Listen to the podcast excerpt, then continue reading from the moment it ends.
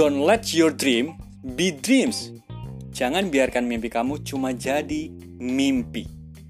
Merencanakan masa depanmu, kenapa kamu harus memiliki cita-cita, dan mau jadi apa kamu tua nanti.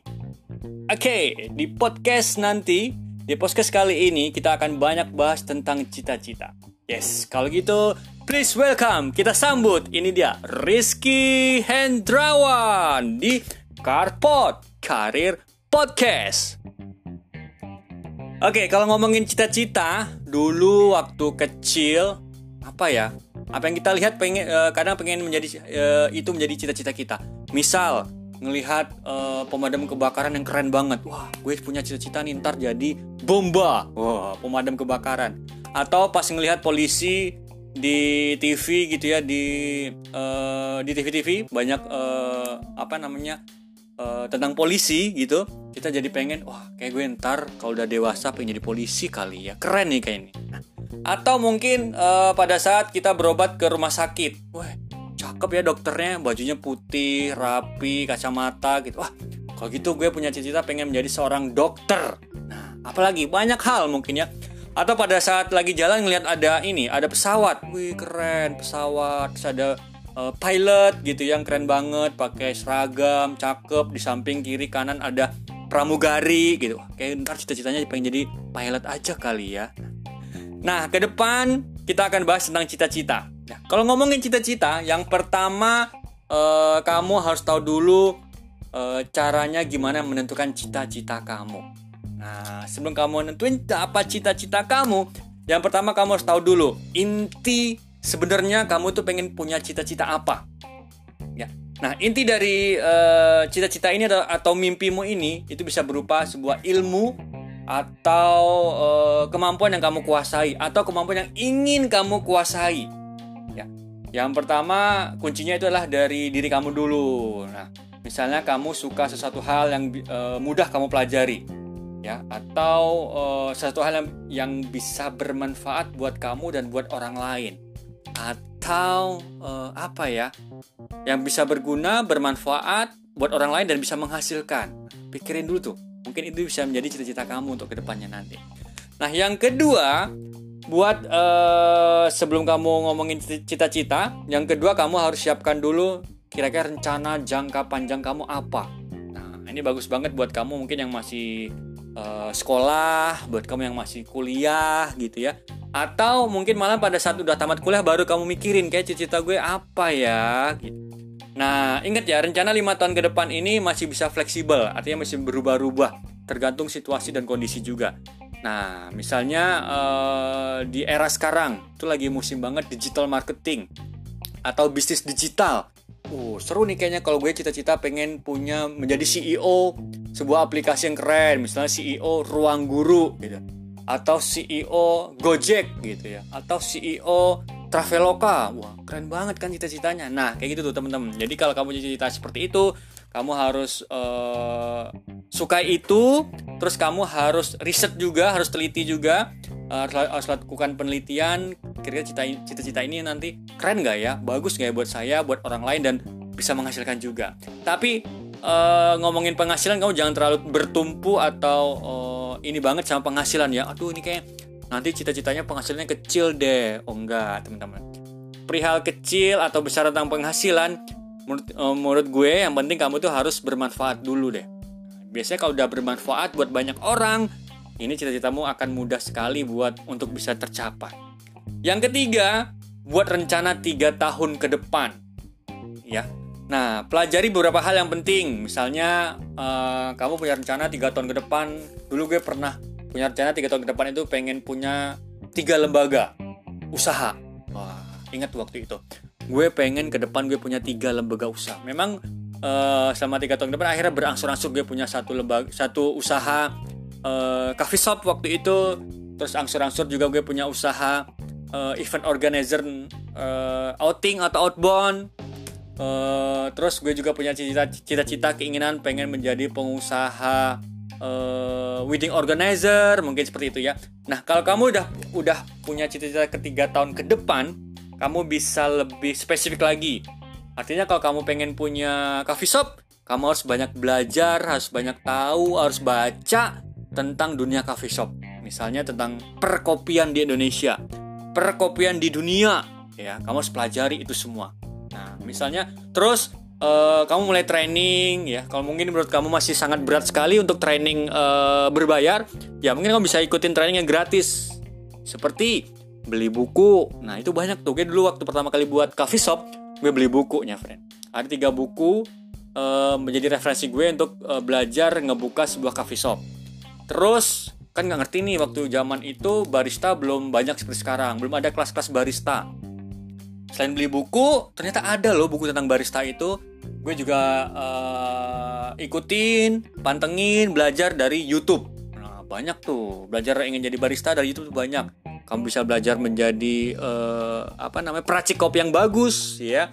Kamu bisa belajar menjadi uh, latte art ya gimana sih caranya ngebuat latte art bisa belajar tuh banyak konten-konten YouTube yang gratis di sana ya terus atau kamu juga bisa cari pengalaman-pengalaman dulu misalnya kamu uh, apa ya namanya cari teman terus uh, yang punya usaha cafe shop bertanya belajar atau kamu ikutan magang deh di situ kali ya belajar uh, gimana cara ngelola cafe shop gitu emang sebenarnya untuk cita-cita ini kamu harus punya banyak teman punya banyak wawasan, punya link yang luas juga, gitu, ya. Terus uh, yang keempat, kalau tadi lima tahun turun ke tiga tahun, perencanaan kamu turunin lagi jadi satu tahun. Kira-kira setahun ke depan kamu punya rencana apa? Nah, semakin kecil tahunnya, rank waktunya, tentu kamu uh, semakin tahu skill apa yang harus kamu asah lebih awal. Skill dan kemampuan apa yang harus kamu dalamin lebih.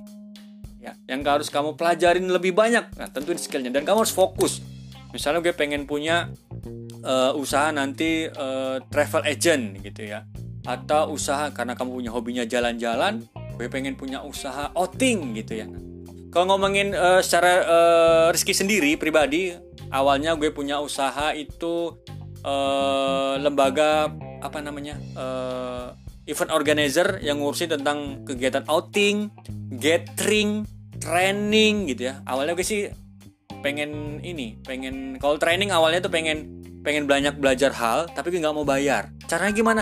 Gue bikin kelas. Nah, dengan gue bikin kelas, dengan gue bisa uh, ciptain kelas, akhirnya gue undang uh, pengajar, gue cariin pesertanya, terjadilah suatu kelas dan gue bisa belajar gratis di sana. Nah, keren kan? Atau uh, gue pengen jalan-jalan, gue pengen ke pulau, gue pengen ke gunung, pengen ke pantai, tapi gue nggak mau bayar. Gimana ya caranya? Gue bikinlah satu lembaga uh, atau suatu badan usaha namanya event organizer, outbound, outing atau jalan eh, jalan-jalan wisata. Nah, akhirnya gue siapkan promo ke mana-mana, terus uh, gue jual ke grup, ke perusahaan, banyak teman-teman juga awalnya ya ke perusahaan-perusahaan. Akhirnya perusahaan-perusahaan uh, ikutin program atau apa namanya yang gue siapin akhirnya mereka mau. Di program itu kita bisa ngejual tentang jalan-jalannya tentang spotnya. Dan selain ada jalan-jalan dan spot ada juga edukasinya seperti outboundnya. Nah gue harus jual outboundnya outboundnya ini juga harus harus sinkron juga dengan uh, tujuan dan maksudnya oleh perusahaan tersebut. Misalnya perusahaan tersebut pengen perusahaannya semakin meningkat penjualannya di tahun ke depan perusahaan tersebut ingin uh, timnya semakin kuat. Nah, harus kita siapin tuh outboundnya apa gitu, uh, kegiatannya apa.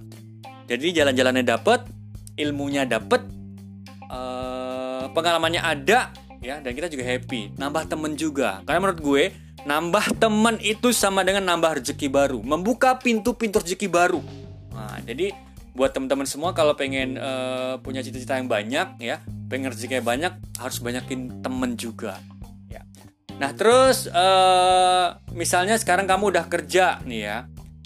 Kalau kamu sekarang udah punya kerja, gue pengen cita-cita apa ya nanti ya? Nah ini akan sangat bagus bagus sekali nih. Misalnya dulu waktu waktu kalau gue pribadi ya dulu pengen punya cita-cita setelah tamat kuliah nanti cita-citanya itu adalah pengen menjadi pengusaha. Tapi kayaknya jadi pengusaha itu nggak mudah banget, friend.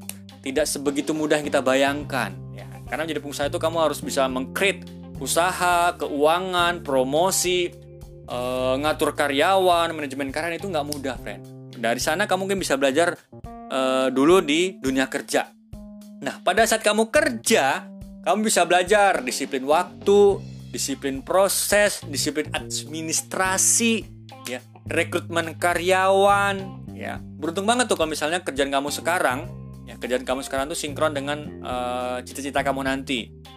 Jujur waktu itu waktu kuliah S1 gue ngambil uh, ekonomi manajemen pemasaran. Kenapa ngambil itu? Karena gue waktu itu pengen sekali menjadi uh, pengusaha. Nah, setelah gue tamat kuliah dan bekerja sebagai SR atau HRD sebuah di sebuah perbankan, cita-cita gue sedikit berubah ya. Kayak gue pengen banget menjadi seorang SR, HRD atau praktisi SDM yang keren gitu ya, yang anak muda banget. Nah, akhirnya gue ambil kuliah S2 waktu itu sambil bekerja di, ta di kerja tahun ke-6 ya waktu itu sebagai HRD. Gue ambil kuliah. Kuliahnya itu berhubungan dengan pekerjaan gue saat itu. Nah, gue ambil kuliah jurusan Magister Manajemen, konsentrasinya lebih tepat ke uh, manajemen sumber daya manusia. Gue pengen pelajari tentang manajemen sumber daya manusia. Seperti apa sih manajemen sumber daya manusia itu? Gue pelajarin, gue kuliah, ambil S2, alhamdulillah udah selesai. Ya. Dan tujuannya apa? Ya pengennya ke depan gue bisa mengmanajemen sumber daya manusia lebih baik, bagus, ya bisa membangun sebuah tim yang keren banget, ya bisa menyelenggarakan pelatihan training yang oke okay banget. Nah, kayak seperti itu teman. Jadi kalau cita-cita kamu saat ini masih berhubungan dengan pekerjaan kamu, kamu beruntung kamu bisa belajar gratis, kamu juga bekerja, belajar, dapat duit. Nah, ada penghasilan yang digaji kan sama perusahaan kamu. Itu juga menjadi salah satu uh, modal usaha kamu untuk mm, mencapai cita-cita kamu. Terus jika kamu baru lulus nih, kalau tadi buat kami udah kerja kalian. Nah, ini buat kami udah lulus, baru lulus atau fresh graduate. Ya, kalau kamu masih fresh graduate, kalau kamu masih uh, saat ini mencari kerja, dan kamu masih bingung cita-cita kamu apa, nah, ini kesempatan kamu lebih luas. Gue pengen nanti punya cita-cita itu adalah sebagai pengusaha digital. mungkin kamu bisa lebih cari kerjanya ke dunia yang digital, ya. Uh, atau kamu harus kuasai tentang dunia digital marketing, misalnya tentang edit, foto, video, take gitu ya. Nah, kamu harus uh, kerjanya juga di situ tuh berhubungan dengan itu biar biar cita-citamu segera tercapai. Jadi kerjaanmu masih berhubungan dengan uh, cita-citamu juga. Terus yang uh, berikutnya jika kamu masih putih abu-abu, nah kamu mungkin masih sekolah nih ya, gue masih bingung nih, uh, kak, gue masih bingung nih pengen cita-cita apa ya, pengen tua nanti gue jadi apa ya. Nah, pada saat kamu masih sekolah ini, berarti kamu masih memiliki banyak waktu dan tenaga untuk menjadi apa pun yang kamu mau, sesuai dengan cita-cita kamu. Coba manfaatkan waktumu untuk belajar uh, belajar hal baru dan konsisten. Karena kalau waktu sekolah itu teman-teman, kamu punya banyak waktu luang. Sama kayak kuliah juga. Kalau sekolah mungkin dari pagi sampai jam siang ya. Kalau kuliah itu lebih waktu luang lebih banyak banget. Ya kuliah paling banter juga sehari tiga mata kuliah, satu mata kuliah dua jam, cuma enam jam kamu belajar. Jadi kamu punya banyak waktu luang yang bisa kamu isi, ya, yang bisa kamu kerjakan. Dulu gue waktu kuliah kerja sambil kuliah. Kenapa? Karena gue pengen mewujudkan cita-cita gue itu waktu ingin menjadi seorang pengusaha, seorang pedagang, seorang entrepreneur. Jadi gue waktu kuliah itu uh, nyambi, nyambi jualan handphone, nyambi jualan pulsa, terus gue nyambi menjadi tukang ini, cuci motor, cuci mobil, uh, uh, karpet, nyambi juga menjadi uh, apa namanya? kerja di kafe gitu. Nyambi juga gue sebagai penyiar radio waktu itu. Tiga tahun gue jadi penyiar radio waktu itu ya. Alhamdulillah uh, dengan banyak terlatih di dagang negosiasi penyiar radio mengcreate event. Nah itu cita-cita kamu akan semakin dekat untuk kamu uh, gapai untuk kamu capai teman-teman.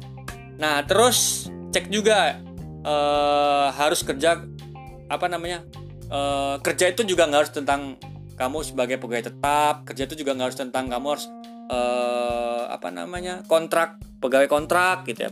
Nah walaupun kamu kerja freelance ya freelance atau bebas nah kamu juga bisa kok itu untuk mendekatkan kamu menggapai cita-cita kamu. Misalnya freelance seperti kamu menjadi tenaga pemasaran sebuah produk mobil ya, otomotif ya. Gue juga punya temen tuh yang uh, waktu itu tamat SMA dia freelance di produk uh, motor awalnya ya dengan gaji yang di bawah UMR tapi dia jago banget marketing akhirnya tiap bulan tuh bisa menjual produk motor 5 sampai 6 targetnya tercapai berapa tahun produk motor sales motor gitu ya. Terus dia naik menjadi sales mobil gitu ya. Uh, dari sales mobil dia berhubungan dengan leasing mobil jadi pekerja marketing leasing mobil. Terus dia bekerja di leasing uh, alat berat gitu ya. Ini temen nih ya menjadi marketing leasing alat berat dan akhirnya dia menjadi marketing di produk alat berat. Wow alat berat men kayak eskapator gitu kayak gledor. Nah gitu tuh alat berat tuh. Lu bayangin harganya berapa tuh miliaran kan? Lu bayangin kalau terjual satu produk insentifnya berapa? Bayangkan teman-teman. Nah, walaupun dulunya dia ada sales motor tapi sekarang dia jadi sales alat berat. Tahu gaji pokoknya berapa? Sekitar 8 sampai 9 juta. Oh keren kan? Nah, jadi teman-teman jangan terlalu uh, pesimis walaupun pekerjaan kamu saat ini adalah uh, freelance, sales motor atau sales produk yang masih kecil banget ya. Itu banyak ilmu dan pengalamannya teman-teman. Nah, terus uh, ngomongin cita-cita mungkin kamu pernah sering dengar juga tentang hobi ya. Hobi menjadi pekerjaan. Hobi menjadi bisnis. Dengan hobi gue ngelapetin penghasilan. Ya, gue juga punya temen tuh uh, temen gue seorang uh, apa namanya profesional sepak bola pemain bola. Karena dia pertama pemain bola ini lapangan besar karena dia cedera panjang. Karena dia cedera panjang akhirnya dia memutuskan hijrah. Ya uh, hijrah menguasai mempelajari tentang dunia futsal. Dia kuasai tentang dunia futsal dia belajar tentang dunia futsal dia menjadi pelatih futsal. Dan saat ini dia menjadi pelatih futsal profesional di Indonesia. Wah, temen gue nih. dia ngelatih futsal antar provinsi, antar klub, ya. Uh, jadi pelatih futsal di PON, gitu. luar biasa prestasinya. Ya, nah kayak gitu teman-teman. Jadi hobi kamu juga bisa menjadi menghasilkan. Nah, jadi kamu punya hobi apa? Kamu sukanya apa nih? Kira-kira kesukaan kamu ini bisakah menjadi penyelesaian masalah orang banyak? Di Indonesia mungkin pelatih futsal masih sangat sedikit. Wah, kayak gue cocok nih. Gue hobi main futsal, gue pelajari futsal. Sekarang kan banyak tempat belajar ya. Gue dalami ilmu futsal, ilmu, ilmu futsal dan gue menjadi praktisi pelatih futsal kan keren tuh. Nah, akhirnya hobi, keringatnya dapet, sehatnya dapet, ya penghasilannya juga dong. Terkenal juga sekarang malahan. Nah, kayak gitu tuh teman-teman. Jadi kalau kamu punya hobi, pikirin lagi hobinya kamu itu kira-kira uh, bisa menghasilkan dan bisa menjadi uh, solusi masalah buat orang banyak. Nah, karena memang benar teman-teman suatu usaha, suatu pekerjaan atau suatu bisnis itu lebih ba bagus banget kalau bisnis kamu itu adalah menyelesaikan masalah, menjadi uh, penyelesai solusi buat masalah orang banyak. Terakhir, kamu bisa memiliki ilmu skill apa yang ingin kamu pelajari. Setelah itu penting sekali uh, uh, buat kamu dan kamu harus lebih spesifik gue harus gue pengen menjadi seorang pelatih futsal profesional di Indonesia. Wah, berarti gue harus banyak sekali belajar tentang dunia futsal, lapangan futsal, kostum futsal ya, dari sepatu, kos kaki, jersey, uh, mengkret futsal ya, turnamen futsal, terus menjadi praktisi di dunia futsal, pelajari lebih dalam kalau kamu yang suka di situ. Dan akhirnya kamu, ya tentu dong, kamu harus punya sertifikat-sertifikat juga. Jangan males juga nih teman-teman kamu kalau kamu punya cita-cita menjadi seorang pelatih futsal, terus kamu males ikut sertifikat dan pelatihan, oh, itu kayak nonsen banget teman-teman. Bullshit, ya nggak mungkin. Tetap kita harus ikut pelatihan-pelatihan agar kemampuan kamu semakin bertambah dengan ikutan pelatihan. Karena kalau saat pelatihan itu teman-teman, di sana itu pesertanya itu banyak, beragam orang, macem-macem. Ada yang dari pelatih uh, amatir, pelatih mantep, pelatih yang luar biasa, atau yang punya pengalaman banyak. Nah, kamu bisa bertukar pikiran juga di sana. Dan itu bisa menjadi referensi kamu buat melatih futsal nantinya. Oke, jadi kalau ngomongin futsal, eh so ngomongin futsal, ngomongin cita-cita, ya. Jadi kalau ngomongin cita-cita, yang penting kamu harus uh, tetapkan tujuan kamu, ya, dan untuk mencapai sebuah karir kamu nanti ke depan. Kira-kira gue pengen jadi apa, kayak mau apa, kamu harus tetapin dulu dari awal. Jangan bingung teman-teman. Nah, kalau ngomongin soal uh, penetapan tujuan ini sama kayak kamu lagi cari uh, baju raya, sih baju raya, pakaian lebaran. Nah, gue selalu inget nih, gue kalau sering bagi uh, materi ini ke kampus kamu selalu selalu bilang begini. Teman-teman, lebih mudah mana kalau pergi ke mall nyari baju lebaran? Ya, kalau ibu-ibu kan kalau perempuan biasa begini nih. Uh, Ma, Dek, ntar kita mau beli baju apa? Kita tanya begitu kan, laki-laki kan ya. Kalau perempuan biasa suka jawab gini nih. Ntar aja deh, kita lihat aja dulu apa yang bagus ntar kita beli gitu. Biasanya begitu tuh akan sangat lama. Naik lantai satu muter tanyain oh ini begini ini begitu. Naik lantai dua tanyain muter. Naik lantai tiga tanyain muter. Eh tau taunya di lantai satu lagi belinya nah ini akan buat kamu akan sangat lama untuk kamu mencapai cita-cita kamu. Tapi kalau kamu udah spesifik dan fokus akan tujuan kamu misalnya ntar gue pengen beli baju lebaran itu adalah kemeja panjang kotak-kotak warna merah. Lebih spesifik friend. Ya mereknya boleh deh apa aja. Oke. Naik lantai satu ada kotak-kotak. Ternyata warnanya abu-abu naik lantai dua ada kotak-kotak ternyata warnanya biru. Naik lantai tiga ada kotak-kotak ternyata warna merah. Oh ini cocok nih. Tapi mereknya belum oke deh cari lagi sebelahnya. Oh ini mereknya oke. Sesuai ba uh, banget yang gue pengen inginkan kotak-kotak panjang mereknya bagus. Ini yang gue beli. Itu akan lebih cepat buat kamu ngedapetin pakaian uh, yang kamu inginkan tadi. Sama kayak tujuan kita ya. Sama kayak ngeset cita-cita kita. Sama kayak uh, kita ingin menentukan hasil akhir. Ya buat kami suka main bola mungkin sama lah uh, di lapangan itu nggak hanya suka menggiring bola ngilik bola ngolongin bola tapi kamu juga harus tahu gawangnya di mana. Gawang lawan kamu itu di mana? Goalsnya mana yang akan kamu capai? Ya, jadi dengan semakin tahu tujuan kamu, maka kamu akan semakin mudah untuk mencapai cita-cita dan karir kamu. Oke, mungkin itu dulu kalau ngomongin cita-cita jangan kepanjangan, ntar kalau kepanjangan lu pada bosen ya. Nah, kita akan bahas lagi banyak hal, uh, banyak pembahasan akan kita bahas. Tentunya yang akan sangat bermanfaat banget buat kamu. Ya, tungguin episode berikutnya. Thank you. Demikian dari saya, Rizky Andrawan, Podcast.